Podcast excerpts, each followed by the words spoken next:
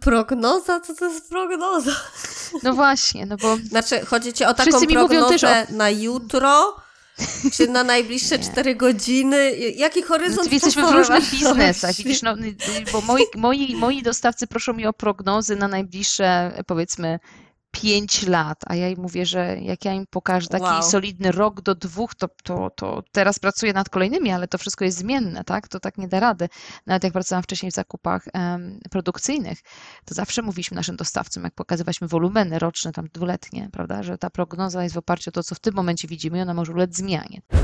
No ja w ogóle mam takie wrażenie, że moi dostawcy to bukują swoje moce produkcyjne tak jak e, firmy lotnicze sprzedają bilety lotnicze. To, co jest dla mnie ważne, to jest po postawa i takie rozumowanie jakby zakupów w tym najprostszym, bym powiedziała, ujęciu, tak? Że ja naprawdę jak czytam czasami te CV, to się zastanawiam, czy kupcy rozróżniają czym są zakupy strategiczne, a czym są zakupy operacyjne. I jest to wyzwanie, nie tylko rosnące wolumeny i niestabilne zachowania klientów, jak również dostawców, a do tego właśnie wykształcenie sobie e, teamu, który jest w stanie dostarczyć minimum we właściwym czasie, e, we, we właściwym czasie do właściwego projektu.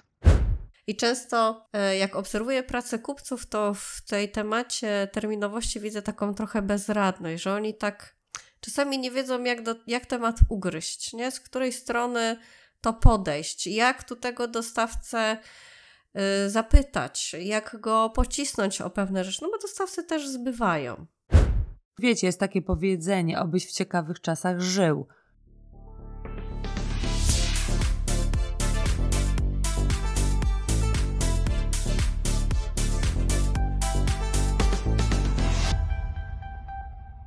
Witamy wszystkich e, bardzo serdecznie. E, w dzisiaj w, w, jubileuszowym odcinku Eta Zakupowo, odcinek dziesiąty i też wyjątkowy. Moimi gościniami i waszymi są dzisiaj fantastyczne kobiety, mogę tak powiedzieć, kobiety ze świata zakupów. E, moją gościnią jest e, Julia Jancy, znana Wam już z wcześniejszych nagrań.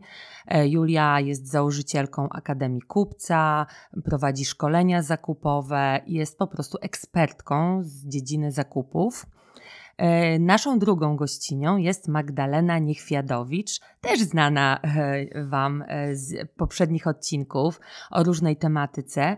Magda zarządza zespołem kategorii menadżerów i Magda zarządza mm, zakupami w jednej z dużych firm energetycznych, tak mogę powiedzieć, przemysł energetyczny.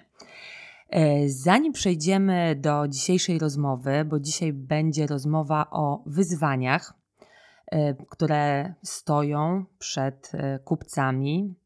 Mamy dosyć niełatwe czasy.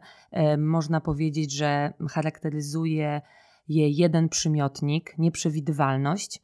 Ale zanim przejdziemy do rozmowy, pozwolicie, że jeszcze raz bardzo serdecznie zaproszę Was wszystkich na seminarium, e, konferencję, wydarzenie, które odbędzie się 14 listopada, czyli we wtorek, w najbliższy wtorek, w Sztokholmie, w Szwecji, stacjonarnie.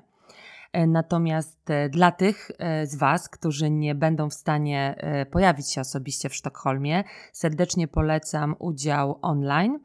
E, wydarzenie będzie całkowicie gratis, także możecie spokojnie rejestrować się przez linka, e, który e, podam w komentarzu. A spotkanie dotyczy wyzwań, które stoją przed logistyką, przed łańcuchami dostaw. Wydarzenie będzie trwało dwie godziny od 13 do 15. Mm, głównym organizatorem jest szwedzko-polsko y, Izba Handlowa svenskpolska.se pisane przez V. ETA ma olbrzymi zaszczyt być partnerem mm, tego wydarzenia. Naprawdę warto wziąć udział, niezależnie od tego, czy jest się logistykiem, czy reprezentuje się szeroko pojęty handel zagraniczny, czy jest się zakupowcem. E, szereg e, ciekawych speakerów, osób z branży e, i ciekawych tematów. No, oczywiście nie zabraknie tematu bardzo ciekawego, popularnego i, że tak powiem, na topie, mianowicie sztuczna inteligencja, jak wykorzystać sztuczną inteligencję w transporcie, w logistyce, o trendach, o tym, co się dzieje, co będzie się działo i co będzie wyznaczało te trendy w logistyce i w transporcie w przyszłym roku i w ogóle w przyszłych latach. Będę miała olbrzymią przyjemność e, i za to jestem bardzo wdzięczna moderować tą dyskusję. Raz jeszcze wszystkich Was serdecznie zapraszam. E, no właśnie to są wyzwania, o których będziemy rozmawiać w Sztokholmie, ale wracając do tematu wyzwań, które stoją w ogóle przed e, kupcami, bo jesteśmy w etap zakupowo, mamy fantastyczne gościnie, które z zakupami się znają e, od dawna, natomiast to, co jest ważne, znają te zakupy też z praktyki. I rozmawiałyśmy przed wejściem do studia o tym, że tych tematów, tych wyzwań, przed którymi dzisiaj stoimy, jest bardzo dużo. Ciężko jest wybrać te, te najważniejsze, ale mm, Julia wspomniała o takim wyzwaniu, o którym rzadko się mówi dzisiaj, tak wydaje mi się, mm, tak szeroko, bo podaje się oczywiście terminowość, relacje z inwestorami, brak możliwości transportu, etc. Ale przed nami takie wyzwanie, y, mianowicie rekrutacja i ludzie w zakupach. Y, bo y, ogólnie słyszy się, że ludzi brakuje i ciężko jest pozyskać dobrego, Mm, pracownika o wysokich kwalifikacjach, ale czy to y, dotyczy też zakupów i jak to wygląda, y, Julia, bo do ciebie też to pytanie kieruję w Polsce, bo rozumiem, że y, ty jesteś w Polsce i mówiąc o tym temacie, miałaś na myśli rynek polski. Tak, tak. Zanim zacznę, to chciałam się przywitać z wszystkimi. Dzień dobry, cześć. Cześć Gosiu, cześć Magdo. E, jeżeli chodzi o mnie, to tak, obecnie prowadzę projekt interimowy jako procurement interim manager w firmie, która zajmuje się sprzedażą gadżetów reklamowych. No i budujemy dział zakupów, tak? Budujemy przede wszystkim zakupy strategiczne i zakupy operacyjne. E, trochę też kwestie związane z certyfikatami i badaniami i z jakością. I muszę przyznać, że mm, po wystawieniu ogłoszeń, gdzie ja uważam, z mojej perspektywy, na tyle, na ile znam różne firmy zakupowe, y, to uważam, że Asgard, w którym obecnie pracuję, mm, ma wdrożonych kilka naprawdę bardzo fajnych narzędzi zakupowych, takich jak platforma zakupowa, takich jak CRM e, i te procesy zakupowe, bym powiedziała, są dosyć mocno opomiarowane. System RP też jest e, całkiem dobrze skonstruowany. E, I bazując na tym, wiedząc jaki chaos potrafi być w innych firmach, troszeczkę liczyłam na większy odzew z rynku. A tu się nagle okazuje, że wystawiam, e, wystawiam ogłoszenie o pracę na kupca strategicznego, zgłasza mi się 30 osób. To, to jest bardzo mało. Ja szukam oczywiście lokalnie, bo u mnie kupcy strategiczni muszą być na miejscu, ze względu na e, projekty dotyczące wdroż wdrożeń e, nowych produktów do oferty handlowej, więc ja ich potrzebuję na miejscu. E, I tak zaczęłam pytać innych menadżerów, jak oni sobie radzą, czy to faktycznie jest taki problem jakby mój lokalny, czy tu chodzi o branżę, czy tu chodzi o lokalizację i muszę przyznać, że wielu menedżerów mówi, że trudno jest. Trudno jest faktycznie, faktycznie o ludzi. Mnie to, co jakby tak zaczęło uderzać, bo pierwszy raz, jak pracuję 12 lat i robię rekrutację, to na stanowiska takie kupieckie, strategiczne zaczęły mi się zgłaszać osoby totalnie spoza branży. To było dla mnie takie troszeczkę szokujące, typu księgowa, e, typu miałam pana, który był piekarzem, brukarzem, dekarz też mi się trafił. Wow. E, tak. I faktycznie tych kupców było relatywnie mało. Naprawdę było mało. Nie, nie mogę powiedzieć, że miałam e, mnóstwo cefałek, bo tak faktycznie nie było. E, I myślę, że też z jednej strony trochę, trochę nam e, ci dobrzy ludzie przestali rotować między firmami tak? Bo kiedyś był taki trend, że chcę, chcę więcej zarabiać, to idę z firmy do firmy. A teraz jak e, jesteśmy w dobie e, kryzysów na wielu frontach, to też mam wrażenie, że ludzie coraz rzadziej chcą zmieniać pracę, nawet jak im coś tam w obecnej nie odpowiada, to wolą zostać tam, gdzie są i przeczekać tą, te nieprzewidywalne czasy, o których Gosia mówisz, niż zmieniać i iść gdzieś, gdzieś na nowe. I to muszę przyznać, że to faktycznie jest problem. Ja mam rekrutację otwartą chyba od półtora miesiąca, no i jeszcze, jeszcze nie trafiłam. jeszcze nie trafiłam na tego kandydata czy kandydatkę, mm, e, z którym czułabym się po prostu bezpiecznie w zakupach, nie? Że przychodzi mi taka osoba, której mówię platforma zakupowa, zapytania ofertowe, e, wdrażamy nowe produkty i ona tak wie o co chodzi.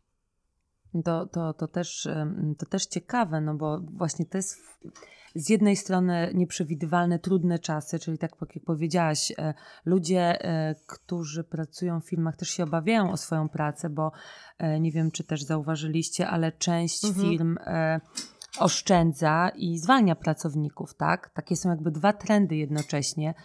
Zresztą nawet ze swojej branży mogę powiedzieć chyba komunikat Merska, jednego z największych armatorów przecież kontenerowych, że będzie zwalniał 10 tysięcy ludzi, czyli to jest dużo. Mm, bardzo dużo, ale też w Polsce, tak, mamy do czynienia szczególnie w przemyśle ze zwolnieniami, a tu taka informacja, że są jednak segmenty, gdzie o dobrych ludzi wykwalifikowanych jest trudno. E, nie wiem, co Magda, ty myślisz, bo e, Magda e, działa poza Polską i zarządza zespołem, mogę powiedzieć, globalnym. Właściwie to regionalnym. Dzień dobry, Magda z tej strony, witam wszystkich słuchających. E, tak, Gosiu, zgadza się, e, nie pracuję e, za bezpośrednio albo i bardzo intensywnie z, z rynkiem polskim. Mam faktycznie tutaj moja firma ma tutaj oddział. I tak, mamy też podobne wyzwania z rekrutacją. Z tym, że w globalnej firmie, która w tym momencie reprezentuje sektor energetyczny, nasze wyzwania, jeśli chodzi E, o rekrutację są dość podobne jak Twoje, Julio. E, brakuje nam bardzo często na rynku lokalnym, e, blisko naszych fabryk, blisko naszych oddziałów, ludzi, którzy mają kompetencje albo ludzi, którzy mają doświadczenie E, bardzo często spotykamy się właśnie z ilością, z małą ilością również e, CV, które są nas przesyłane i z niewielką ilością kandydatów, którzy chcieliby brać udział e, w naszym procesie rekrutacyjnym. To ma swoje wyzwania wewnętrzne, dlatego że w przypadku, kiedy jest bardzo duża ilość zamówień na, i generalnie rynek odnawialnych źródeł energii tak naprawdę ma bardzo świetlaną przyszłość, co jest dość widoczne we wszystkich statystykach i prognozach, jest to wyzwaniem, gdyż musimy wytrenować e, i wyćwiczyć sobie tą mniej doświadczoną kadrę, którą musimy za, zatrudnić, e, gdzie, na, gdzie bardzo często ludźmi, którzy przychodzą do zakupów, są ludzie z wykształceniem technicznym i brakuje im doświadczenia biznesowego, czy chociażby znajomości negocjacji kontraktu, czy budowy kontraktu. E, stanowi to bardzo duże wyzwanie, jeśli chodzi o możliwość roz, rozmowy, dostania, wpływ, dostania jakichkolwiek wskazówek, jak można rozwinąć wspólnie tę organizację. W związku z czym dużo więcej wpływa na barki e, menadżerów czy zarządzających tymi właśnie zakupami strategicznymi. Dlatego, że wykształcenie takiego pracownika to nie jest wbrew temu, co się myśli, 3 do 6 miesięcy to jest zrozumienie najpierw organizacji firmy, następnie zrozumienie procesów zakupowych, następnie zrozumienie samego rynku, na którym będzie ktoś operował i zrozumienie konkretnej kategorii produktowej. I to wszystko trwa. Ja pamiętam sama, jak zaczynałam wiele lat temu pracę właśnie w biznesie e, w automotive i pamiętam, jak ktoś mi powiedział, że jak ja po roku zacznę dostarczać to, co oni chcą, to będzie dobrze. Ja wtedy, nie, ponieważ nie miałam wcześniej doświadczenia zakupowego, byłam po studiach prawniczych, e, zajmowałam się zarządzaniem projektu, projektami właśnie w Polsce, a następnie musiałam się znaleźć w zupełnie innym środowisku i oni sobie jakby zdawali doskonale z tego sprawę, moi koledzy, jak i również moi przełożeni, że zanim ja zacznę dostarczać te KPI i zanim zacznę czuć i rozumieć czym dokładnie mam się zajmować, to będzie to dość, e, dość proces dość czasochłonny. I w tym momencie mamy bardzo podobnie.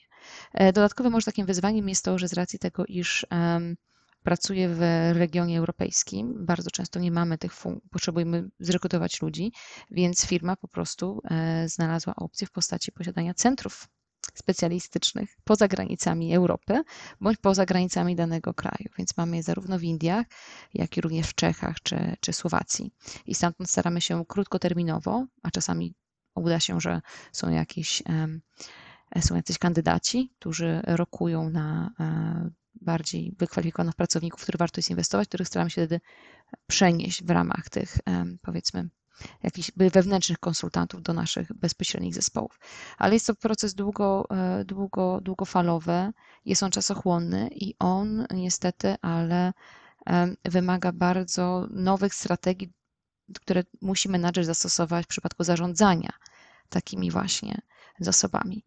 I jest to wyzwanie, nie tylko rosnące wolumeny i niestabilne zachowania klientów, jak również dostawców, a do tego właśnie wykształcenie sobie e, teamu, który jest w stanie dostarczyć minimum we właściwym czasie e, we, we, właściwym czasie do właściwego projektu. A wiecie co, takie pytanie teraz mi się trochę narodziło. Może, może ktoś, wiecie, słucha nas na przykład i, i zastanawia się, no bo jeżeli jest e, deficyt tak, dobrych specjalistów, tak po prostu myśląc skrótowo, na rynku, e, to e, wy jako menedżerki, tak, które rekrutujecie zespoły zakupowe, to e, jakbyście miały, nie wiem, wskazać jedną rzecz czy dwie rzeczy, co można zrobić osoba, która powiedzmy jakieś tam minimalne doświadczenie zakupowe ma, ale chciałaby na przykład, no nie wiem, do ciebie Julia dostać się do zespołu, czy Magda do ciebie, e, na co zwracacie uwagę? I mam tu na myśli nie tylko kompetencje miękkie, ale też e,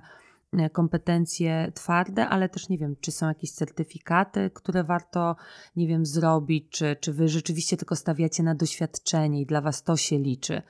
Co jest, bo teraz takie pytanie mi przyszło właśnie do głowy, co jest ważne u Was w rekrutacji? Czy to doświadczenie ma jakieś znaczenie i na ile ono, wiecie, procentowo, jak macie cały wachlarz tych wymagań, gdzie ono się plasuje? E, wiesz co? E, ja zawsze mówię tak, że jako doświadczony menadżer wiedzę i kompetencje ja jestem w stanie przeforwardować na pracownika, tak? Więc mi aż tak bardzo na tym nie zależy, bo ja wiem, że te deficyty, który, które potencjalny pracownik będzie miał, no to ja mu to po prostu dam. To, co jest dla mnie ważne, to jest po, postawa i takie rozumowanie jakby zakupów w tym najprostszym, bym powiedziała, ujęciu, tak? Że ja naprawdę jak czytam czasami te CV, to się zastanawiam, czy kupcy rozróżniają czym są zakupy strategiczne, a czym są zakupy operacyjne. Bo to mam wrażenie, że to nadal jest jakby problem, nie? Szukam kogoś do strategii, szukam kogoś, kto będzie w ciągłym kontakcie z dostawcą, e, kogoś, kto będzie bardzo dynamiczny, bo dużo się dzieje w strategii, tak? Kogoś, kto będzie w stanie przyjąć dużą ilość informacji w krótkim czasie. To, co powiedziała Magda, takie view biznesowe, żeby to była też osoba, która rozumie, że oprócz ceny są też koszty dodatkowe związane z transportem. Ja na przykład dużo wdrażamy nowych produktów, tak? I wycena takiego produktu to nie jest tylko jakby cena zakupu, ale ja muszę wiedzieć też, ile będą kosztowały mnie badania, które muszę zrobić pod ten produkt. Czasami się okazuje, że w ogóle nie ma sensu wdrażanie tego produktu, no bo koszt wejścia zje nam wszystko. I właśnie taka wiedza biznesowa i to, czego ja też szukam w ludziach, to jest ambicja. Nie? Czyli zrobienie troszeczkę więcej niż jednak to minimum z minimum. Czyli takie, ja zresztą też na rozmowach kwalifikacyjnych weryfikuję i tak jak ostatnio miałam e, rekrutację na specjalistę do spraw transportu, a dużo importujemy z Chin, e, bo praktycznie większość produktów, e, no to była to osoba, która dostała dokumenty, które miała zdiagnozować i była scenka sytuacyjna, gdzie po angielsku musiała rozmawiać z tym spedytorem, mm, bo się nam przysunął termin, tak? E, I faktycznie muszę przyznać szczerze, że tylko jedna osoba poradziła sobie z tym zadaniem. Że się nie zestresowała tak ekstremalnie, żeby nie być w stanie mówić, tylko spokojnie, okej, okay, dobra, tu mam to, tu mam to, tu mam tamto, działamy. Nie? Więc ja myślę, że takie takie rzeczy, które dla mnie osobiście są ważne. No, wiedza, wiedza, kompetencje, tak, ale to jest coś, co możesz nabyć. Z postawą ja jest trochę gorzej. Ja się tutaj z tym absolutnie zgadzam. Um, pewną wiedzę, czy procesy, czy to, co należy zrobić, można bardzo szybko przekazać i potem ktoś uczy w locie, tak? E, ale jednak ta dynamiczność, przedsiębiorczość, przejęcie Tak, inicjatywy, tak. e, Mhm. zrozumienie, że coś jest czymś nagłym i trzeba działać tu i teraz, a nie Mhm. czekać. Bycie czasami śledczym. Ja też to zawsze czasami mówię, że ja mam wrażenie, że ja pracuję Mhm. we wewnętrznej kontroli albo we wewnętrznym wydziale, e, tak, e, który, który, że tak powiem, tropi tutaj e, różnego rodzaju informacje, żeby mieć obraz. E, Tym bardziej, że w organizacjach międzynarodowych, gdzie zespoły są rozłożone globalnie, to czasami jest dość to skomplikowana matryca kon- kontaktów e, i osób zaangażowanych w projekt. E, I wydaje mi się, że, że ta ambicja tak, jest też czymś, czym ja się zgadzam. Jeżeli ktoś, to jest coś, czego ja szukam również, jeżeli ktoś faktycznie nie ma ambicji, nie, nie potrafi połączyć multidyscyplinary nie, ró- i różnych faktów, to będzie to w jakiś sposób przeszkodą. I, i ta postawa, ten, ten sposób myślenia, tą, ta lotność jest czymś, co mogą reprezentować również różne zawody. Stąd ja też tak się nie ograniczam e, do, do, do, do wykształcenia. E, Nawet uważam, że czasami niektóre kreatywne zawody mogą sobie świetnie poradzić właśnie e, w tym zawodzie, o ile ta przedsiębiorczość, przyjęcie inicjatywy jest u tego kandydata. Kiedy ja rekrutuję, w zależności od tego, w jakim to jest kraju, bardzo często muszę sobie postawić takie pytania, co jest typowe dla danej kultury i, i, i- i dane, da, jaki jest rodzaj komunikacji danej też kultury, prawda?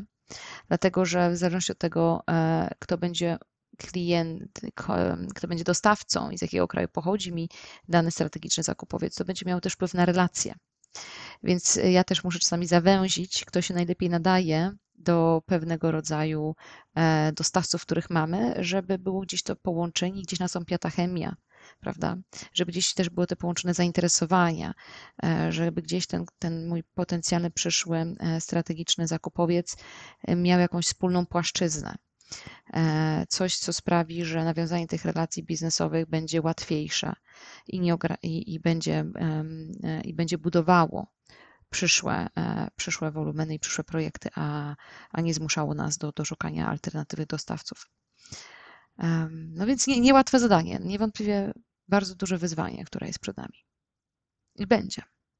Dla mnie też takim wyzwaniem jest, e, wiecie, że ludzie czasami przychodzą na rekrutację po Co kontrofertę. masz na myśli? No, że przyjdzie, po, przyjdzie porozmawiać, tak? I jak wyrażasz zainteresowanie, no to wtedy z ofertą, która została, którą złożyłaś, on wraca do swojego pracodawcy i mówi, ci mi, dostałem tyle. Nie? Ja zawsze wychodzę z założenia, że jak ktoś przychodzi na tą rekrutację, na ten drugi etap, e, no to fajnie by było, gdyby ta osoba była zdecydowana, jak już mamy te, te rzeczy dograne, mm, żeby była zdecydowana, nie? No bo wiecie, jak, jak jest mało ludzi na rynku, a jest mało ludzi, tak? Jest też bardzo dużo młodych ludzi, którzy wchodzą na rynek. Ja ostatnio rozmawiałam z moją przyjaciółką na temat e, jednej z rekrutacji, którą ostatnio zamknęłam i tak ona liczy, liczy, liczy i mówi Boże Julka, różnica między wami to jest 12 lat, czyli tyle lat, ile ty pracujesz w zakupach. I ja mówię, no tak, no tak. I ja się tak zaczęłam zastanawiać, jak się komunikować z takimi młodymi osobami, nie? Bo nigdy nie pracowałam z kimś z, z tak dużą różnicą wieku i faktycznie są to osoby, które przychodzą z zupełnie innym mindsetem. Ja się zawsze zastanawiam, jak ja takiej osobie mam wytłumaczyć, że w strategii nie ma czegoś takiego, że o 16 ja wstaję i idę do domu. Nie? Że to, to się raczej nie zdarza.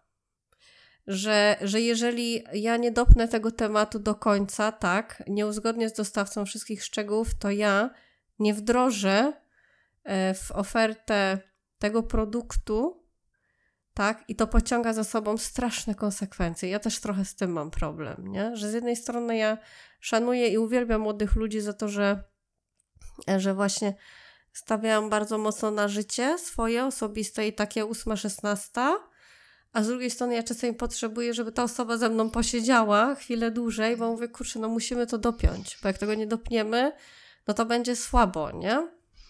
Nie wiem, co wy o tym myślicie. No ja, ja rozumiem właśnie tą taką przepaść. E, sama ją często doświadczam e, i kiedyś postanowiłam podejść do tego tak trochę może strategicznie. Stwierdziłam, że pomentoruję jakąś grupę ludzi z mojego, jednego z mojego alma mater i zobaczę, czy będę tam miała w tym narybku potencjalnego przyszłego zakupowca.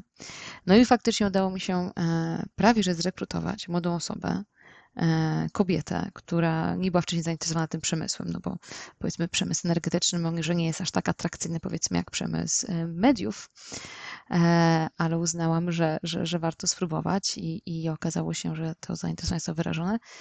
No ale niestety, tak jak u Ciebie, zaważyła ostatecznie płaca że ktoś wziął sobie kontraofertę albo spróbował wziąć e, ofertę z dwóch miejsc i, i wybrać tą, która jest naj, najlepsza. Ja uważam, że tak jak i, i, wtedy stwierdziłam, że jednak może dobrze, że ta osoba nie podjęła mnie pracy, dlatego że jeżeli ktoś patrzy, dlatego że wiemy, gdzie potem ta osoba poszła pracować. I tak sobie pomyślałam, że z punktu widzenia zakupów strategicznych, jeżeli bym wybrała małego dostawcę o średnim zasięgu, a miała to wyborby międzynarodowego, który ma bardzo duże portfolio, które będzie się łączyło z moimi zainteresowaniami i ambicjami, to ja zdecydowanie poszła do tego dużego. Więc to też tak troszeczkę pokazuje, e, że, że ciężko jest znaleźć ludzi, którzy patrzą dalekosiężnie. I, i, I to w zakupach jest jakby tak, takie jest krytyczne, dlatego że kiedy my budujemy mhm. te relacje, kiedy my poświęcamy ten czas, to to jest istotne, żeby widzieć, co się będzie działo nie za rok, za dwa, ale za pięć, za dziesięć, bo jeżeli my kogoś zaimplementujemy jako dostawca, albo go rozwiniemy, czy przekażemy większość wolumenów, to ten dostawca będzie istniał w bazie danych tej firmy prawdopodobnie najbliższe 5, 10, a nawet 15, 20 lat. I to jest olbrzymia też odpowiedzialność. I, i brakuje mi troszeczkę e, wśród osób, które które, które przychodzą i szukają pracy właśnie w zakupach strategicznych, takiej, takiego właśnie myślenia dalekosiężnego. Troszeczkę jakby myślenia, że ja buduję własny biznes, nawet jeżeli pracuję dla kogoś. Bo tak naprawdę w tych zakupach strategicznych trochę tak jest, że my budujemy konkretną gałąź, konkretne relacje, ażeby wspomóc naszą własną firmę w tym, żeby mogła dostarczyć tak. finalny produkt. Wiesz, bo tutaj chodzi też o to, że bardzo dużo ludzi żyje od premii do premii, tak, czyli w tych krótkich slotach, przeważnie rocznych, tak. E, a druga kwestia, właśnie, żeby ludzie mieli więcej podejścia na zasadzie: ja buduję moje zaplecze, ja buduję sobie super skille, z którymi ja za 2, 3 czy 5 lat jestem w stanie wyjść na rynek i zaorać, ale teraz jest moja pańszczyzna. I to nie jest coś, co ty zrobisz w 6 czy 8 godzin, nie? Mm, to jest właśnie, to jest, y, ja się z tym, co ty mówisz, Magda, bardzo też, y, bardzo też zgadzam, żeby mm, mieć takie podejście, wiecie, ja wiem, ile będzie mi zajmowało wyszkolenie kupca. To dla mnie, tak żebym ja mogła go zostawić w tym dziale i powiedzieć, ok, ja jadę sobie na urlop i nie musisz do mnie dzwonić, to jest co najmniej rok. Ale tak, żeby on faktycznie dobrze osiadł w tych zadaniach, tak, żebym ja patrzyła na niego i rzucała tylko hasła, co trzeba zrobić, to ja myślę, że to są dwa lata, nie? I to jest bardzo często praca, którą my menadżerowie robimy, jakby jak ja to mówię, po godzinach, no bo jeżeli ty pracujesz z tym człowiekiem, którego wdrażasz, no to to nie zmniejsza ilości twojej pracy, nie? Ty, ty, ja mam na przykład tak, że ja potrafiłam w piątek o 18 usiąść i siedzieć tam do drugiej w nocy, tak? No bo trzeba tą robotę zrobić, no kto to zrobi, nie? Ktoś musi wziąć za to odpowiedzialność. Ja zarządzam, więc ja biorę no tak, za to, to odpowiedzialność. To tak? Znaczy, to są rzeczy, o, mm, o których mówicie bardzo ważne, natomiast e, wydaje mi się, że tutaj akurat fajnie, że mamy Magdę, która e, sama mieszka w Szwecji i też zarządza, tak jak mówisz, no, regionalnym zespołem. Też to trochę inaczej wygląda i też no, zaryzykuję, nie wiem co powiecie na to, że w Polsce trochę jest inaczej w takim kontekście, że e, my mamy taką tendencję do patrzenia w ogóle krótkoterminowego we wszystkim. I ja, wiecie, też patrzę z perspektywy osoby, która pracuje w dosyć dużej organizacji e, i e, też widzę, że mm, w wielu aspektach patrzy się krótkoterminowo i ja rozumiem, że liczy się gdzieś tam w gruncie rzeczy kasa, tak, bo to jest najważniejsze, no bo biznes musi się kręcić, musimy zarabiać, ale czasami wiecie jak jest, no tak jak w życiu, tak jak w biznesie, trzeba w coś zainwestować, żeby później te frukty i te owoce przyszły, tak? Tak jak ty Julka mówisz o tym, że inwestujesz w kupca, tak? Pracujesz z nim, siedzisz, wdrażasz i to trwa, to nie przyjdzie od razu, ale później możesz spokojnie wyjechać na ten urlop, i zostawić swoją organizację, e, swój dział zakupów e, w dobrych rękach. E, tak u nas bardzo często jest tak, że wymaga się też, wiesz, z drugiej strony, spójrzcie na to, że też bardzo często przychodzą ludzie nowi i od razu stawia się przed nimi bardzo wysoko postawioną poprzeczkę.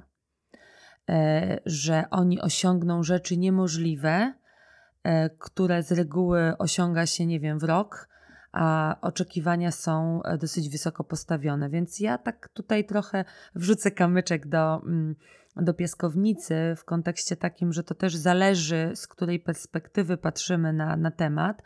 A wracając do młodych ludzi, to też słuchajcie, powiem Wam, że ja mam różne doświadczenia, bo e, mam nawet w filmie osobę dosyć młodą, Mm, która spełnia wszystkie te mm, wymagania, o których ty, Julka, mówiłaś, i Magda a propos postawy, a propos jakby podejścia do tematu, rozumienia tego.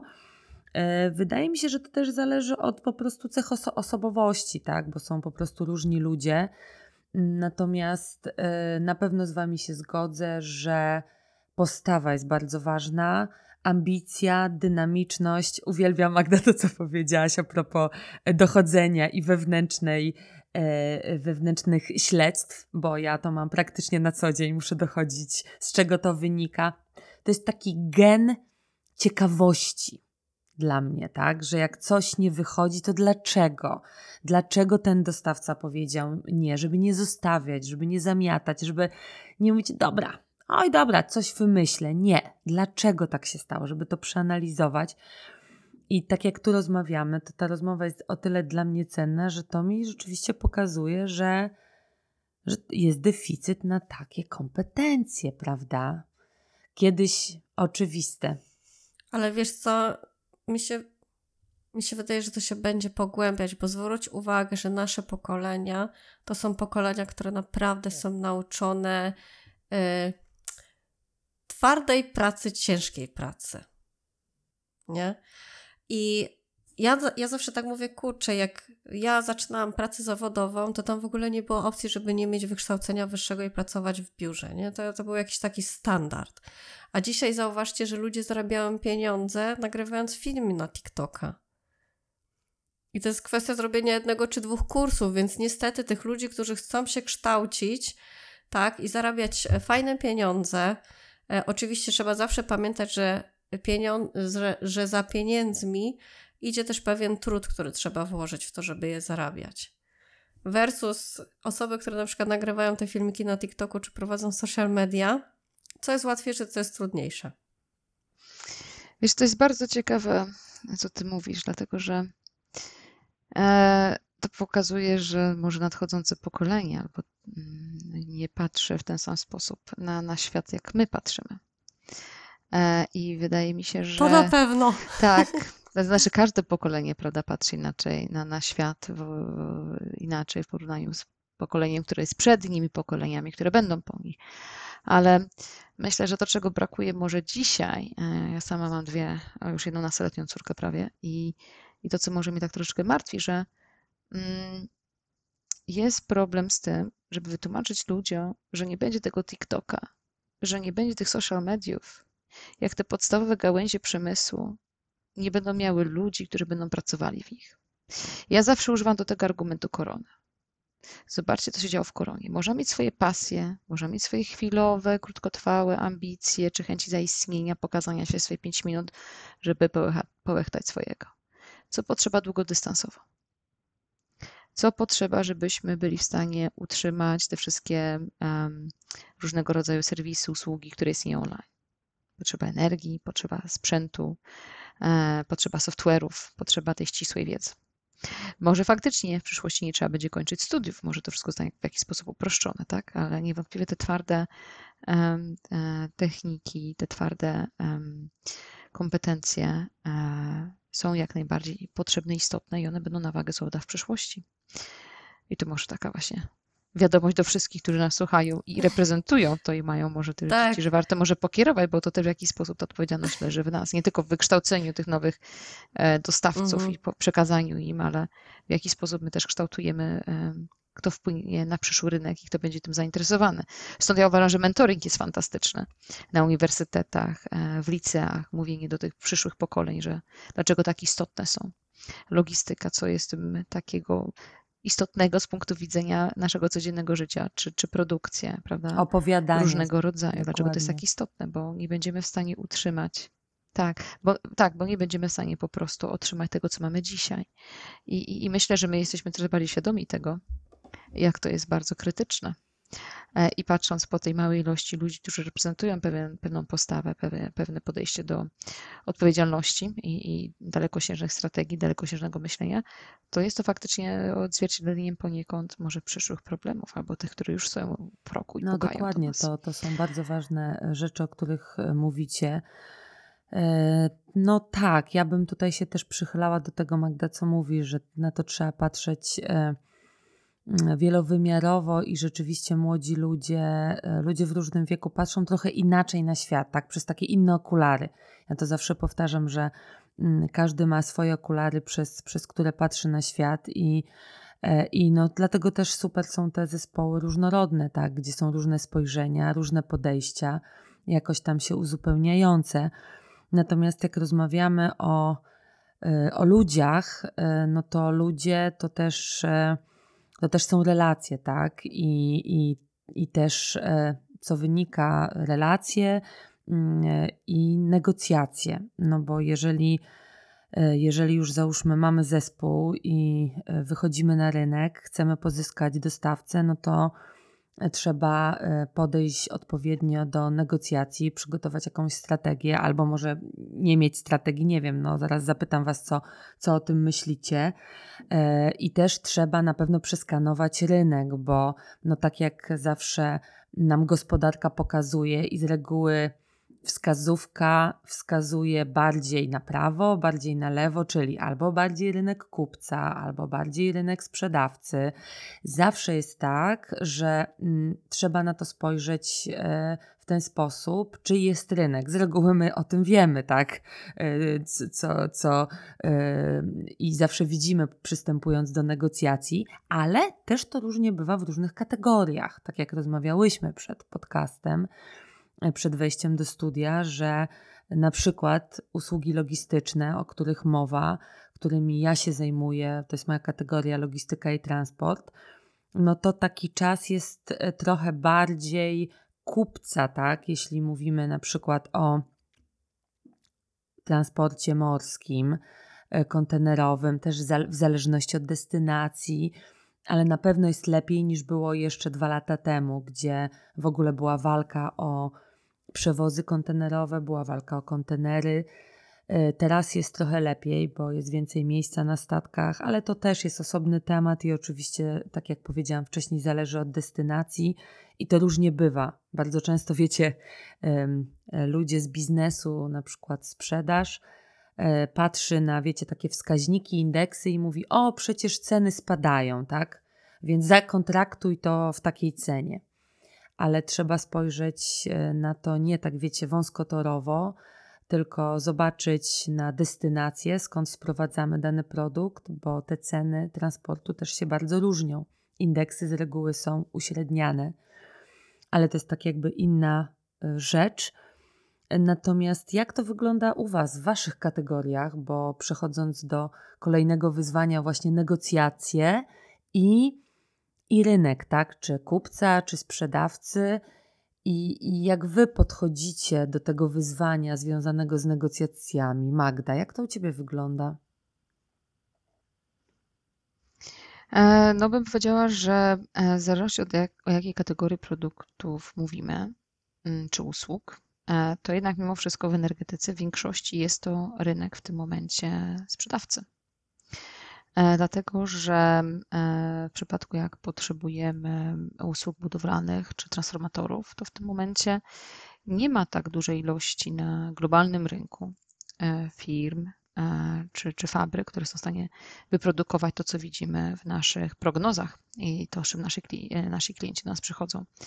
Dlatego tutaj, tak jak mówisz, jak, jako w strategicznych zakupach, oczywiście staramy się obliczyć sami, zanim wyjdziemy z ofert, zanim wyjdziemy z zapytania ofertowym do dostawcy, jakie mogą być mniej więcej koszt danego produktu i staramy się to podać właśnie projektowi, żeby oszacował koszt finalny wykonania takiego, takiego właśnie projektu dla naszego finalnego klienta. E, to, to, to bardzo często okazuje się, że indeks indeksami, e, nasze analizy, analizy analizami, a dostawca przyjdzie i powie nam, że no, cena tak naprawdę jest, tak, to może taka i była dwa miesiące temu, ale w tym momencie to on ma 10 dostawców, klientów pukających mu do drzwi i możemy wziąć to, ale 50% więcej. E, no i potem to dalej przerzuca oczywiście na klienta, ale to są w tym momencie takie, takie realia. E, jeśli chodzi właśnie o rynek e, prawda, odnawialnych źródeł energii, elektrycznych samochodów, wszystkiego, co jest związane generalnie z elektryką, ta, ta, ta ilość elektryfikacji różnego rodzaju linii jest tak, tak, zapotrzebowanie jest tak olbrzymie w tym momencie, uniezależnienie się również na poziomie zarówno regionalnym, krajowym, czy nawet indywidualnym e, jest tak olbrzymie, że, że to winduje cenę usług do góry, pomijając oczywiście samą inflację i, i różne inne czynniki, które przyczyniły się do, do aktualnych e, cen, e, które mamy niektórych surowców, ale również i usług. I inwestycji, tak. Jeśli chodzi o negocjacje, no negocjacje zawsze trzeba wykonać, niezależnie od tego, jaki jest rynek. Trzeba się do niej zawsze porządnie przygotować, bo mi się wydaje, im lepiej się człowiek przygotuje, tym, tym myślę, że tak jak wcześniej mówiliśmy, buduje swój własny kapitał i swoją własną wiedzę, niezależnie od tego, gdzie kiedyś będzie, w jakim momencie w tym momencie jesteśmy. Ale przede wszystkim e, to jest nasza wiedza tu i teraz, która może nam e, pomóc zrozumieć kolejne zagadnienia, które przyjdą w pracy. E, negocjowanie zawsze. Coraz częściej widzimy niestety w ofertach tak zwane formuły eskalacyjne, które mimo wszystko nie są wystarczające. E, próby bukowania tak zwanych slotów produkcyjnych, które są mocno oddalone w czasie.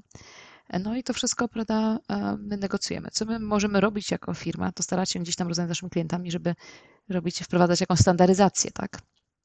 Żeby sobie ujednolicić pewne rozwiązania, bo wiadomo, że im bardziej to ujednolicimy w zakupach projektowych, tym, tym zyskujemy troszeczkę na cenie i, i na możliwości, powiedzmy, przyszłej negocjacji z jakimś dostawcą na konkretne produkty.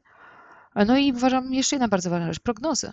Jak bardzo nasze prognozy, ten nasz, ten nasz pipeline, co tam u nas wisi i kiedy to do nas dokładnie spłynie, kiedy ja to się, przyjdzie. Ja się prawie, Magda, roześmiałam. Prognoza? Co to jest prognoza? No właśnie, no bo... Znaczy, chodzi ci o taką prognozę o... na jutro, czy na najbliższe cztery godziny? Jaki horyzont? No, jesteśmy w różnych biznesach. Widzisz, no, bo moi, moi, moi dostawcy proszą mi o prognozy na najbliższe, powiedzmy, 5 lat, a ja im mówię, że jak ja im pokażę taki wow. solidny rok do dwóch, to, to, to teraz pracuję nad kolejnymi, ale to wszystko jest zmienne, tak? To tak nie da rady. Nawet jak pracowałam wcześniej w zakupach um, produkcyjnych, to zawsze mówiliśmy naszym dostawcom, jak pokazywaliśmy wolumeny roczne, tam dwuletnie, prawda, że ta prognoza jest w oparciu o to, co w tym momencie widzimy i ona może ulec zmianie, tak? Bo my bierzemy historyczne e, sprzedaż, tak? Znaczy historyczne zakupy, plus patrzymy, co w tym momencie znajduje się u nas, co sprzedaż ma w swoim pipeline. No ale tak, no prognoza prognoza, no właśnie. W czasach WUKA prognoza to bym powiedziała, że to brzmi trochę bardziej jak, jak symfonia Beethovena. Tak wręcz komicznie trochę. No. Tośmy sobie pożartowały. Tak, tak, to się roześmiałyśmy tutaj. tak, tak. Jest no. powiązane. No też nawet spójrzcie na na zakupy indirektowe, usługi logistyczne, tak? No, usługi logistyczne są stricte powiązane z, ze sprzedażą, tak? W firmach produkcyjnych, gdzie sprzedaje się produkty, surowce, e, no to czekamy na po prostu kontraktację sprzedażową, tak? Bez tej kontraktacji sprzedażowej e, nie można zakontraktować usług logistycznych, czyli to, tak jak Julka się tutaj śmieje, no to my raczej ocieramy łzy, tak? Na zasadzie czekając po prostu w blokach startowych, y, kolejka. Y, ustawionych potencjalnych dostawców, no bo na przykład jeżeli czasy są bardziej e, sprzyjające nam, czyli tym, którzy kontraktują te usługi e, logistyczne, no to mamy rzeczywiście portfolio dostawców, tylko co my możemy, o co możemy ich zapytać, no nie mamy tych wolumenów. I to, z czym e, się mierzymy, no to wiecie, takie wyczekiwanie do ostatniej chwili, tak?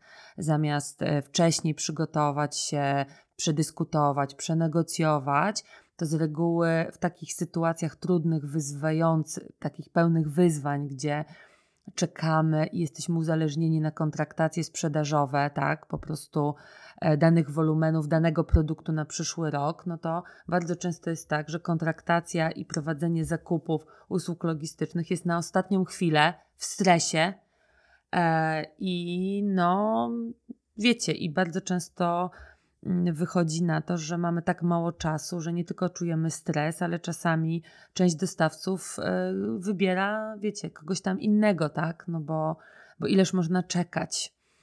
E, więc no jest dużo wyzwań, tak? Jest dużo wyzwań. A jak u ciebie, Julka? No ja powiem tak, jeżeli chodzi o transport, o kontenery, no to terminy się zaczynają wydłużać, więc chyba to, co się zawsze dzieje na koniec roku.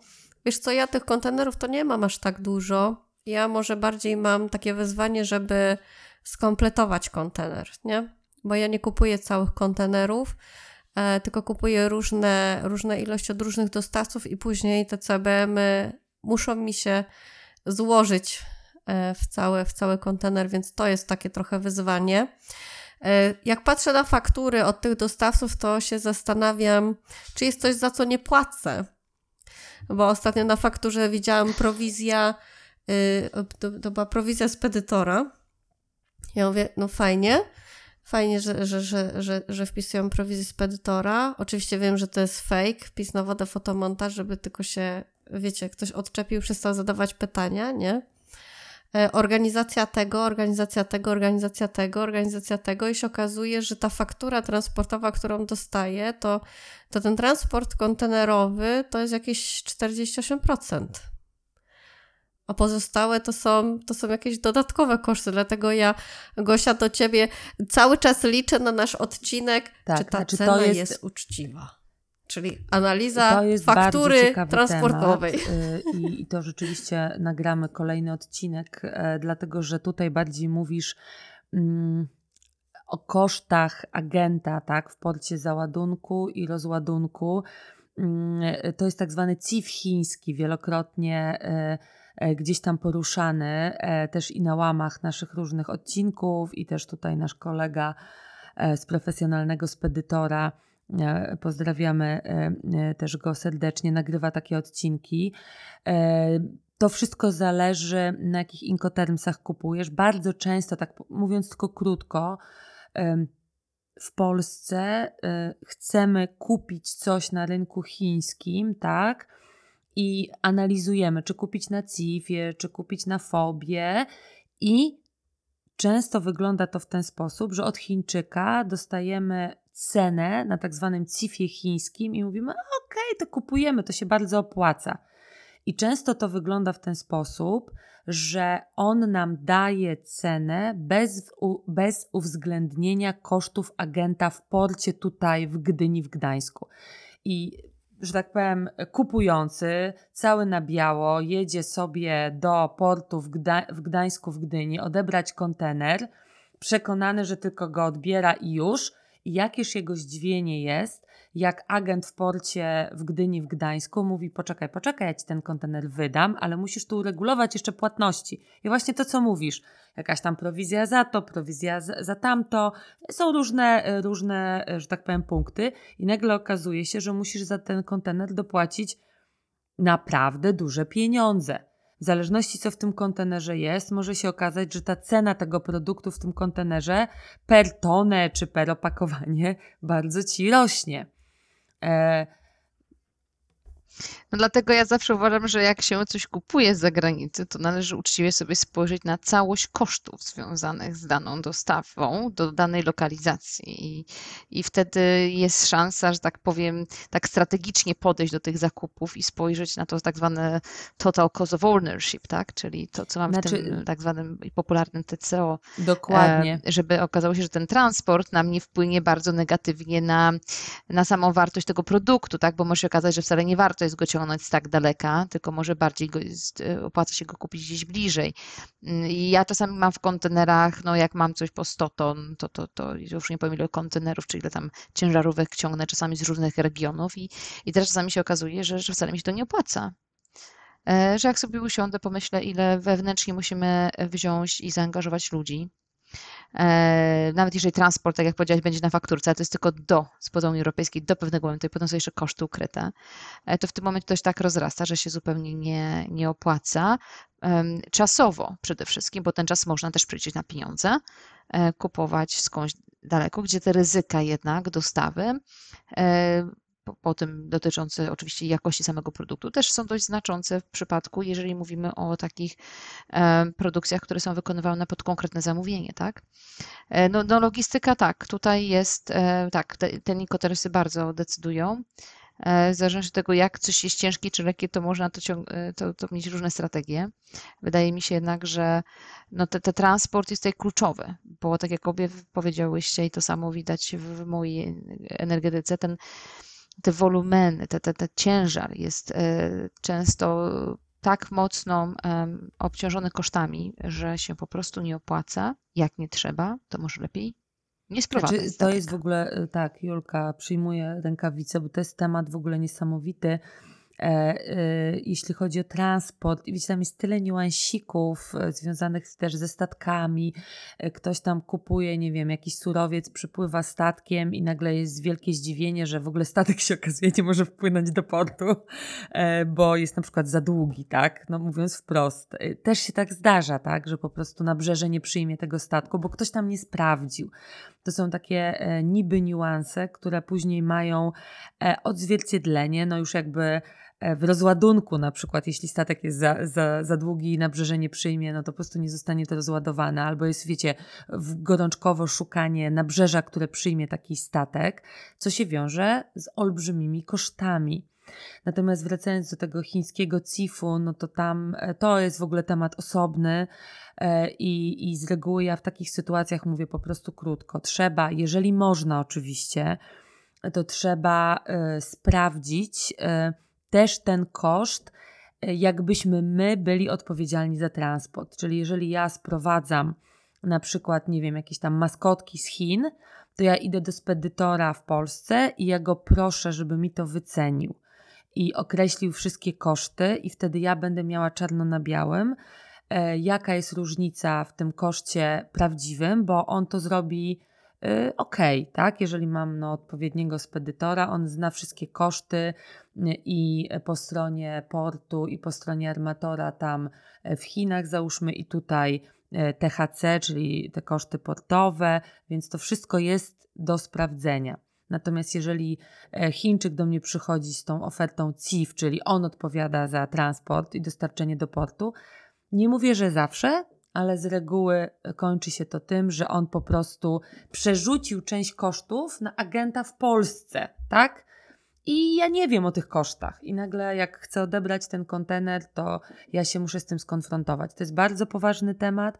On jest eskalowany przez ludzi z branży i nawet się ukuło właśnie takie stwierdzenie CIF-u chińskiego. Uważajmy na CIF chiński, więc ci, co tam nas słuchają i jeszcze tematu nie znają, to zachęcam do wpuszczenia y, frazy w Google, tak? Y, CIF chiński i to, i, i to zostanie, to się pojawi, tak? Bo, no bo naprawdę, y, nawet ostatnio teraz rozmawiałam ze spedytorem, który też, z którym pracuję i, i, i, i dziewczyna mi powiedziała, że jeden z klientów przeżył szok, jak właśnie koszty mu spadły, jak zaczął jednak e, korzystać z usług spedytora polskiego i sam sprowadzać rzeczy z Chin, a jak to wcześniej kosztowało i ile wynosiło, jak kupował na Cifie od Chińczyka, tak? I nagle, wow, jak mi koszty spadły.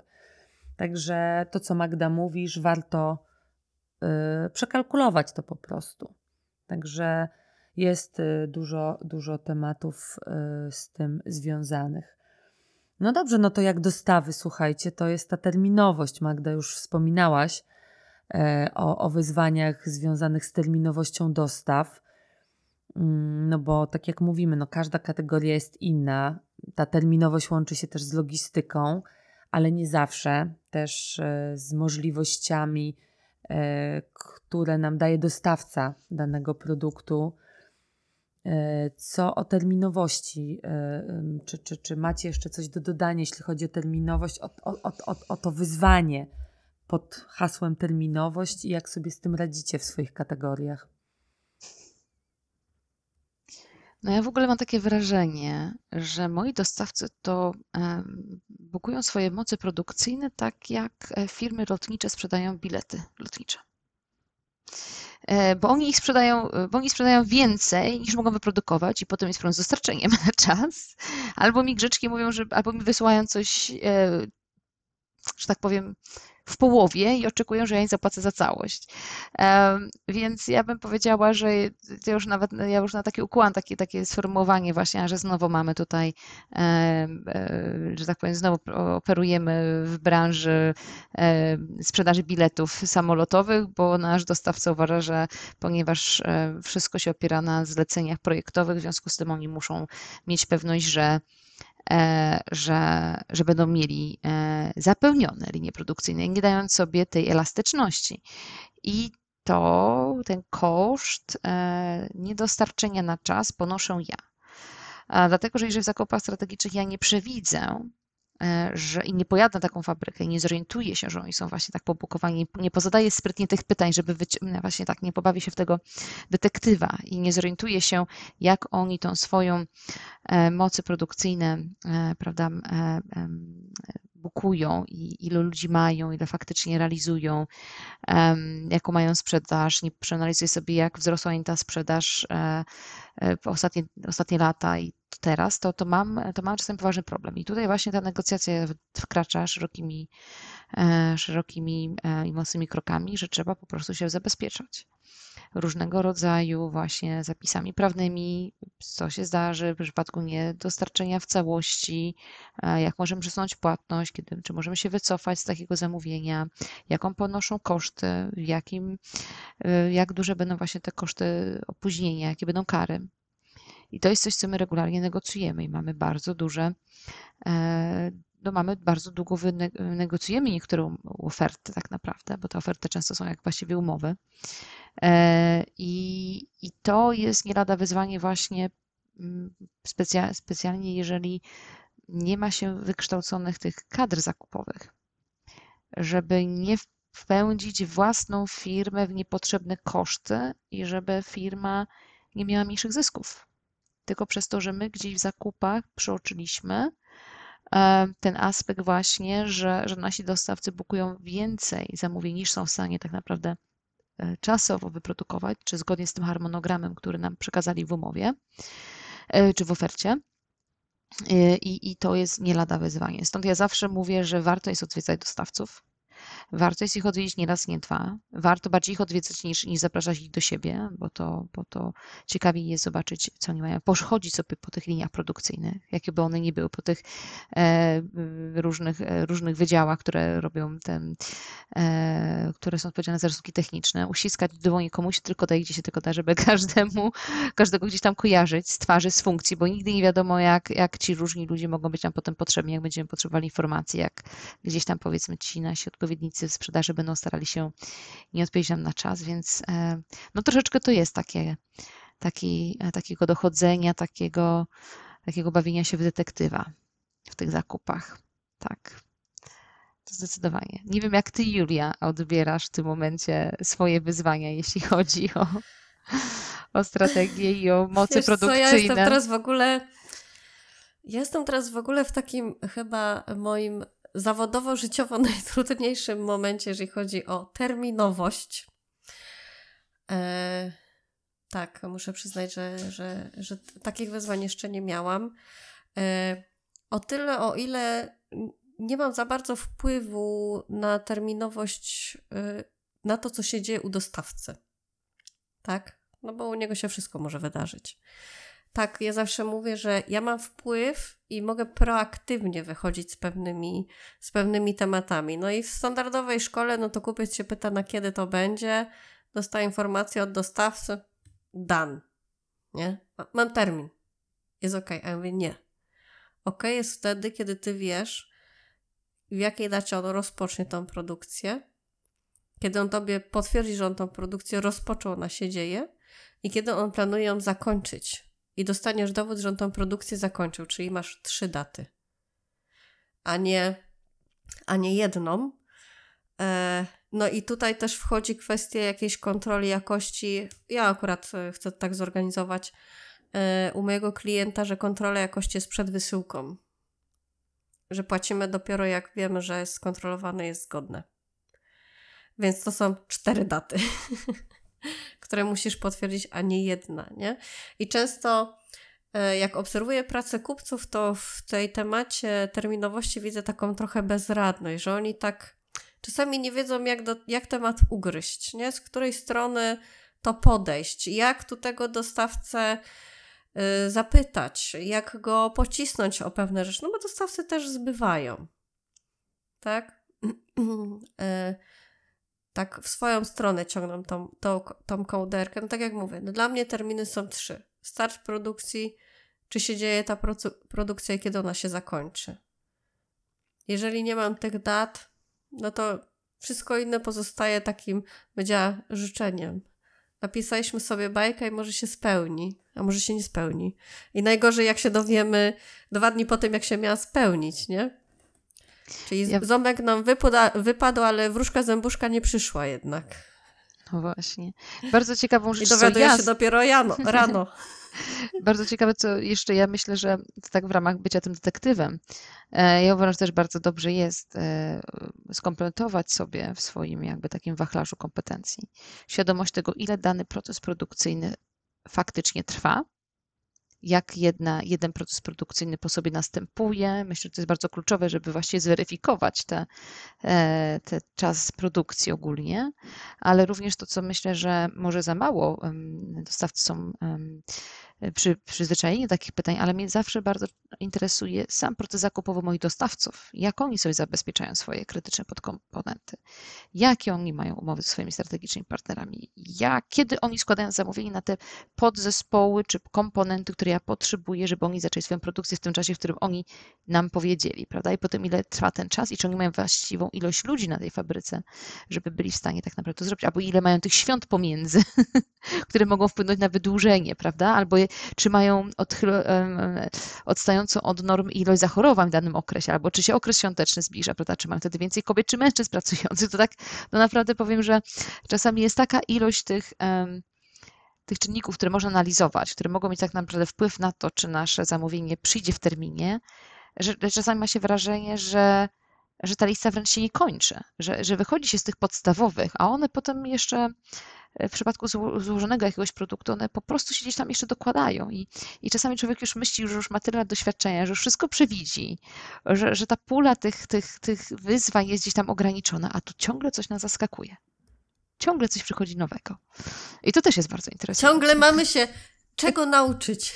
O tak. Znaczy wiecie, jest takie powiedzenie, obyś w ciekawych czasach żył, czy żyła, tak? Więc e, e, to się dzieje na naszych oczach i naprawdę E, zaczęło gdzieś się według mnie no już w trakcie COVID-u, wiadomo, każdy z nas wie, że to na nas po prostu spadło, zaskoczyło, później e, no nie ukrywajmy, wojna też um, Ukrainy z Rosją, no ale też mamy teraz kolejną w Izraelu i to też są jakieś reperkusje na, na łańcuchy dostaw. Oczywiście oprócz tego, że to jest olbrzymia tragedia ludzi i, i to, co tam się dzieje jest po prostu druzgocące no to też łańcuch dostaw gdzieś tam e, jest zaburzony, tak? No, jakkolwiek to brzmi mm, sucho, no to, to wszystko ma wpływ na nas. Nawet e, dzisiaj e, też jakąś taką rozmowę słyszałam a propos sankcji, które zostały nałożone na Rosję, bo nie do końca widać, że te sankcje działają i, i ktoś tam się dziwił, jak to jest możliwe, tak? I, i właśnie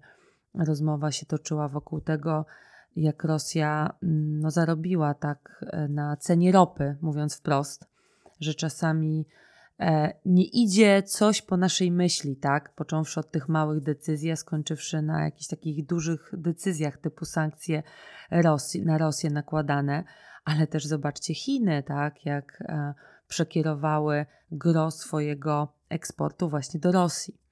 I o tym się już nie mówi, bo bo eksport do Rosji to wzrósł po prostu z Chin no jakieś tam, wiecie, kilkadziesiąt procent. I, I sourcing z Chin do Rosji idzie bardzo sprawnie, też koleją, tak zwanym jedwabnym szlakiem.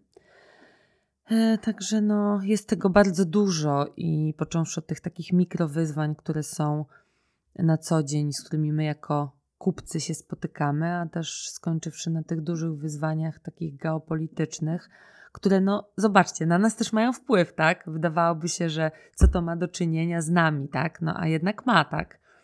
E, bo ten kontener nie dopłynie na czas, bo tam jest jakiś zator, bo e, teraz mamy jakiś tam strajk w porcie którymś, albo e, jeden terminal jest za bardzo przeładowany i trzeba przekierować na inny i tak dalej, i tak dalej. Ale to Magda właśnie, co wspomniałaś o tych o tych, nie wiem, o pilnowaniu tych ludzi co do ich jakby tam zwolnień, fluktuacji zwolnień lekarskich i, i chorób, to ja się zastanawiam, jak ty to sprawdzasz, ale rzeczywiście odwalasz e, naprawdę kawał roboty detektywistycznej i, i, i sprawdzasz swoich dostawców, bo to też ciekawe, jak ty to robisz, jak, jak ty sprawdzasz, tak? Bo ty naprawdę mówiłaś o takich dosyć szczegółowych historiach, e, typu e, właśnie skąd oni biorą swoje, e, znaczy produkty i półprodukty, z których na przykład wytwarzają, nie wiem, to, co, co tobie mają sprzedać, tak? Czy ty jakoś wprowadzasz jakieś audyty, kontrolę jakości? Jak ty to, jak ty to sprawdzasz? No ja bym powiedziała, że ogólnie ja, ja, widzę te zakupy strategiczne e, jako taką organizację, która pracuje, współpracuje ściśle z, z, z Wydziałem Jakościowym.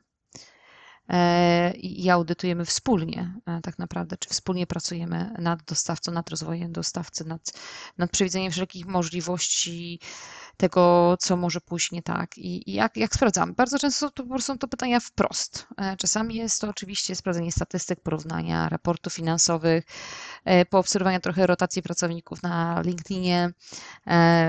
Czasami można też poczytać na forach internetowych. Bardzo często te branże gdzieś tam się przenikają, ludzie przepływają. Im dłużej się jest w tym, w tym biznesie, myślę, że coraz więcej ma się koneksji i, i, i znajomości i, i można zrozumieć E, uważam, że też chodzenie na różnego rodzaju konferencje, targi, gdzie można się dowiedzieć o, o rynku, to ma, czy uczestniczenie w różnego rodzaju właśnie web, web, webinariach. To wszystko buduje różnego rodzaju świadomość, to jak można podejść do dostawcy, a bardzo często też jest zapytanie się wprost.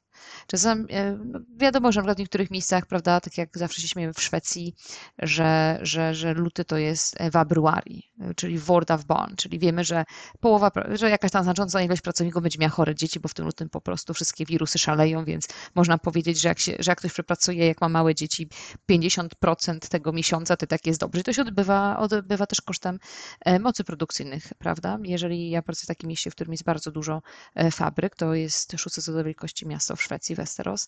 I jeżeli się tutaj zdarzy tak, że, że, że tych zachorowań jest dużo, no to wiadomo, że to ma swój wpływ nie tylko tyle na to, że ktoś będzie w, w stanie stanąć przy tej linii produkcyjnej, ale że na przykład nie będzie może kogoś od testowania. W związku z tym ten produkt do tych testów, czy ta ilość tych produktów do testu będzie stała dłużej e, i czekała, aniżeli należałoby, tak? E, czy na przykład nie będzie kogoś, kto będzie mógł jakąś e, konkretną powłogę położyć na ten produkt, bo na przykład tych specjalistów powiedzmy od spawania czy od lakierowania jest, jest powiedzmy mało, jak oni mają dzieci, albo mają partnerów, którzy pracują w jakimś krytycznym zawodzie, jak na przykład nie policjanci, lekarze, E, czy nauczycieli, tam powiedzmy jest gdzieś jakaś pogrom, to to się odbija po prostu na, na, na, na całym łańcuchu. Tak. I, i, I tego może się nie widzi, jak to wszystko jest bardzo połączone, ale, ale to jest. I mi się wydaje, że najłatwiej po prostu jest spytać, pytać i po prostu myśleć o tym wszystkim, co może wpaść do głowy. Jest, tak, tak. E, ale, ale bardzo często jedziemy tak, też z klucza jest, tak naprawdę i po, postępujemy to jest, też to jest kluczem. Właśnie jakby ja łączę tą twoją wypowiedź z wypowiedzią Julii. E, właśnie mm, ja to widzę w ten sposób, że no właśnie nie chcę, żeby to, wiecie, zabrzmiało, że e, my jesteśmy jakimiś misjonarkami, pasjonatkami takimi, wiecie, przesadzonymi w którąś stronę, ale to tak jest, że ja zawsze to nazywam zanurzeniem się w temacie, tak, że no, jeżeli chcemy być dobrymi specjalistami w czymkolwiek, ale też mieć taki e, mm, wgląd w rynek, no to musimy gdzieś tam, wiecie, zanurzyć się zawsze w temat, tak, śledzić, pytać, e, sprawdzać, nie wiem, e, rozkładać temat na 50 tysięcy kawałków, co może nie pójść, robić różne scenariusze. Musimy cały czas to e, analizować i tak jak Julka e, wspomniała, E, no nie kończyć o 16 to myślenie, tak? No, wiadomo, że to, to nie jest tak, że my zachęcamy mm, do, nie wiem, życia tylko pracą, absolutnie, bo my tu jesteśmy e, rozwojowi ludzie, natomiast chodzi o to, żeby żeby żyć tym i żeby no nie, nie kończyć myślenia e, o godzinie 16 czy tam 17 i, i rozkminiania jakichś tam scenariuszy, tak, bo bo to wydaje mi się jest takie bezcenne nie tylko w pracy kupca, tak, ale w ogóle w jakiejkolwiek pracy i w podejściu do wszystkiego, też w życiu po prostu prywatnym, tak, żeby, e, żeby wymieniać się wiedzą i, i zachęcamy też do udziału. Ja zachęcam raz jeszcze do udziału i w tej konferencji, spotkaniu 14 listopada, ale też e, 20 listopada serdecznie zapraszamy na e, Akademię Koźmińskiego, tam ETA razem z, zresztą z PSM Melem. E, organizujemy właśnie takie wydarzenie od godziny 15. Zresztą reklamujemy na, na, e, na różnych profilach na social mediach gdzie właśnie spotykamy się, żeby porozmawiać, żeby zanurzyć się w tej wiedzy, tak, żeby powymieniać się tym, co się dzieje i w zakupach, i w transporcie, i w logistyce e, na świecie. I też zaprosiliśmy mm, eksperta, który, który no jest ekspertem wybitnym, jeśli chodzi o transport morski, kontenerowy Larsza Jensena. I też będziemy go pytać, tak, o to, y, jakie scenariusze przed nami. Będziemy rozmawiać o prognozach. Nie śmiej się, Julia. Może coś, wiesz, wspólnie wymyślimy. Natomiast no właśnie o to chodzi, żeby się wymieniać, żeby chodzić, spotykać się, e, słuchać podcastów, e, no ale to jakby powtarzamy w kółko to samo, tak? To, to, to jest dla nas gdzieś tam oczywiste. Nie wiem jeszcze, czy macie coś e, do dodania, bo godzina szybko minęła. Ja bym chciała tylko dodać, że dziewczyny, super się z wami rozmawia o zakupach, i oby więcej. Naprawdę oby więcej. Ja się to bardzo podpinam no pod trzeba, trzeba po, po, po... Bardzo dziękuję za, za możliwość Bo mężczyzn wymiany. w zakupach na tym rynku jest... Y, tak, mężczyzn w zakupach jest dużo, a uważam, że, że kobiety też, też mają Super. dużo do powiedzenia. To, to jak najbardziej możemy e, cykliczne e, e, spotkania organizować na weterze mm, i oczywiście też zachęcam inne dziewczyny tak, z zakupów, żeby się do nas odzywały i zawsze możemy e, nagrywać w większym gronie albo e, wymieniać się w ogóle swoimi doświadczeniami, bo to jest też ciekawe, że każda działa w innej kategorii, każda ma inne wyzwania, ale tak jak widzę, to dużo nas łączy. E, I te wyzwania są gdzieś tam podobne. To ja na zakończenie powiem, że bardzo dziękuję Wam, dziewczyny, za ten czas. I dziękuję wszystkim, którzy nas słuchają e, i podzielają e, tą chęć do rozwoju i zdobywania wiedzy jako procesu permanentnego, procesu uczenia się e, i nigdy nie mają dość. Oby było nas jak najwięcej. Magda, coś, jakieś, jak to się mówi, ogłoszenia duszpasterckie na koniec dla Eta Zakupowo. Oby więcej, częściej możliwości rozmowy, nie tylko na temat właśnie logistyczny, ale jak to się wszystko łączy z zakupami, więc fantastycznie, że ta, że ta odnoga właśnie ta powstała i że jesteśmy tutaj czasami gościniami i mamy możliwość dzielenia się z bardzo szerokim forum naszymi doświadczeniami. Miejmy nadzieję, że gdzieś tam jesteśmy w stanie zainspirować słuchaczy E, więc jeżeli kogoś zainspirujemy również do przejścia do naszego zawodu, proszę z nami kontaktować. Takie ogłoszenia no, parafialne. A... Tak, tak. E, ja, ja mam wystawione ogłoszenie na kupca strategicznego firma Asgard. Zapraszam, ten kto mnie zna, ja tam występuję w roli kierownika zakupów, także naprawdę zachęcam osoby ambitne do aplikowania. Każda aplikacja będzie no, Oczywiście, że zapraszamy. To tutaj dokładnie e, bardzo, bardzo, zresztą to, co Magda powiedziałaś, to jest e, ciekawe, no bo ja też mam jakąś taką transformację z e, bardziej z łańcucha dostaw, z logistyki do zakupów. I to też w ogóle było ciekawe, bo e, jak Julię poznałam, no to jeszcze byłam w logistyce i później e, e, jakież jej było zdziwienie, E, jak się dowiedziała, że, że przechodzę do zakupów, więc wszystko jest możliwe. Znaczy uważam, że te dwie dziedziny się bardzo łączą, tak? No to wiecie, no łańcuch dostaw to jest organizm, to jest e, bez serca, nie ma wątroby, płuc, mózgu, to jest po prostu cały jeden organizm i to jest dla mnie mega fascynujące i kompetencja mówienia o tym.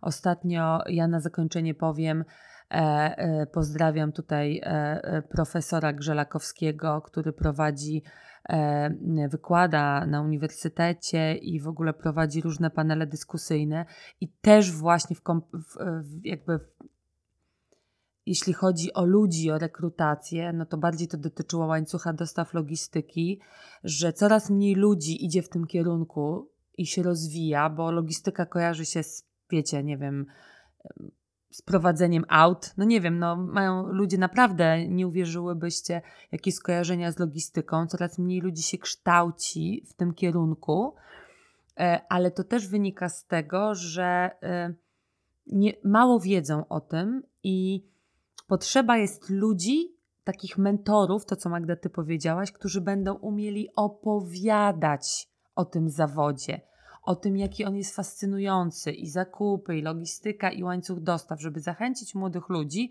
żeby przychodzili, uczyli się, bo to naprawdę będzie albo może być bardzo ciekawe. W czasach WK prognoza to bym powiedziała, że to brzmi trochę bardziej jak, jak symfonia Beethovena. Tak wręcz komicznie trochę. Tośmy sobie pożartowały. No. Wróżka zębuszka nie przyszła jednak.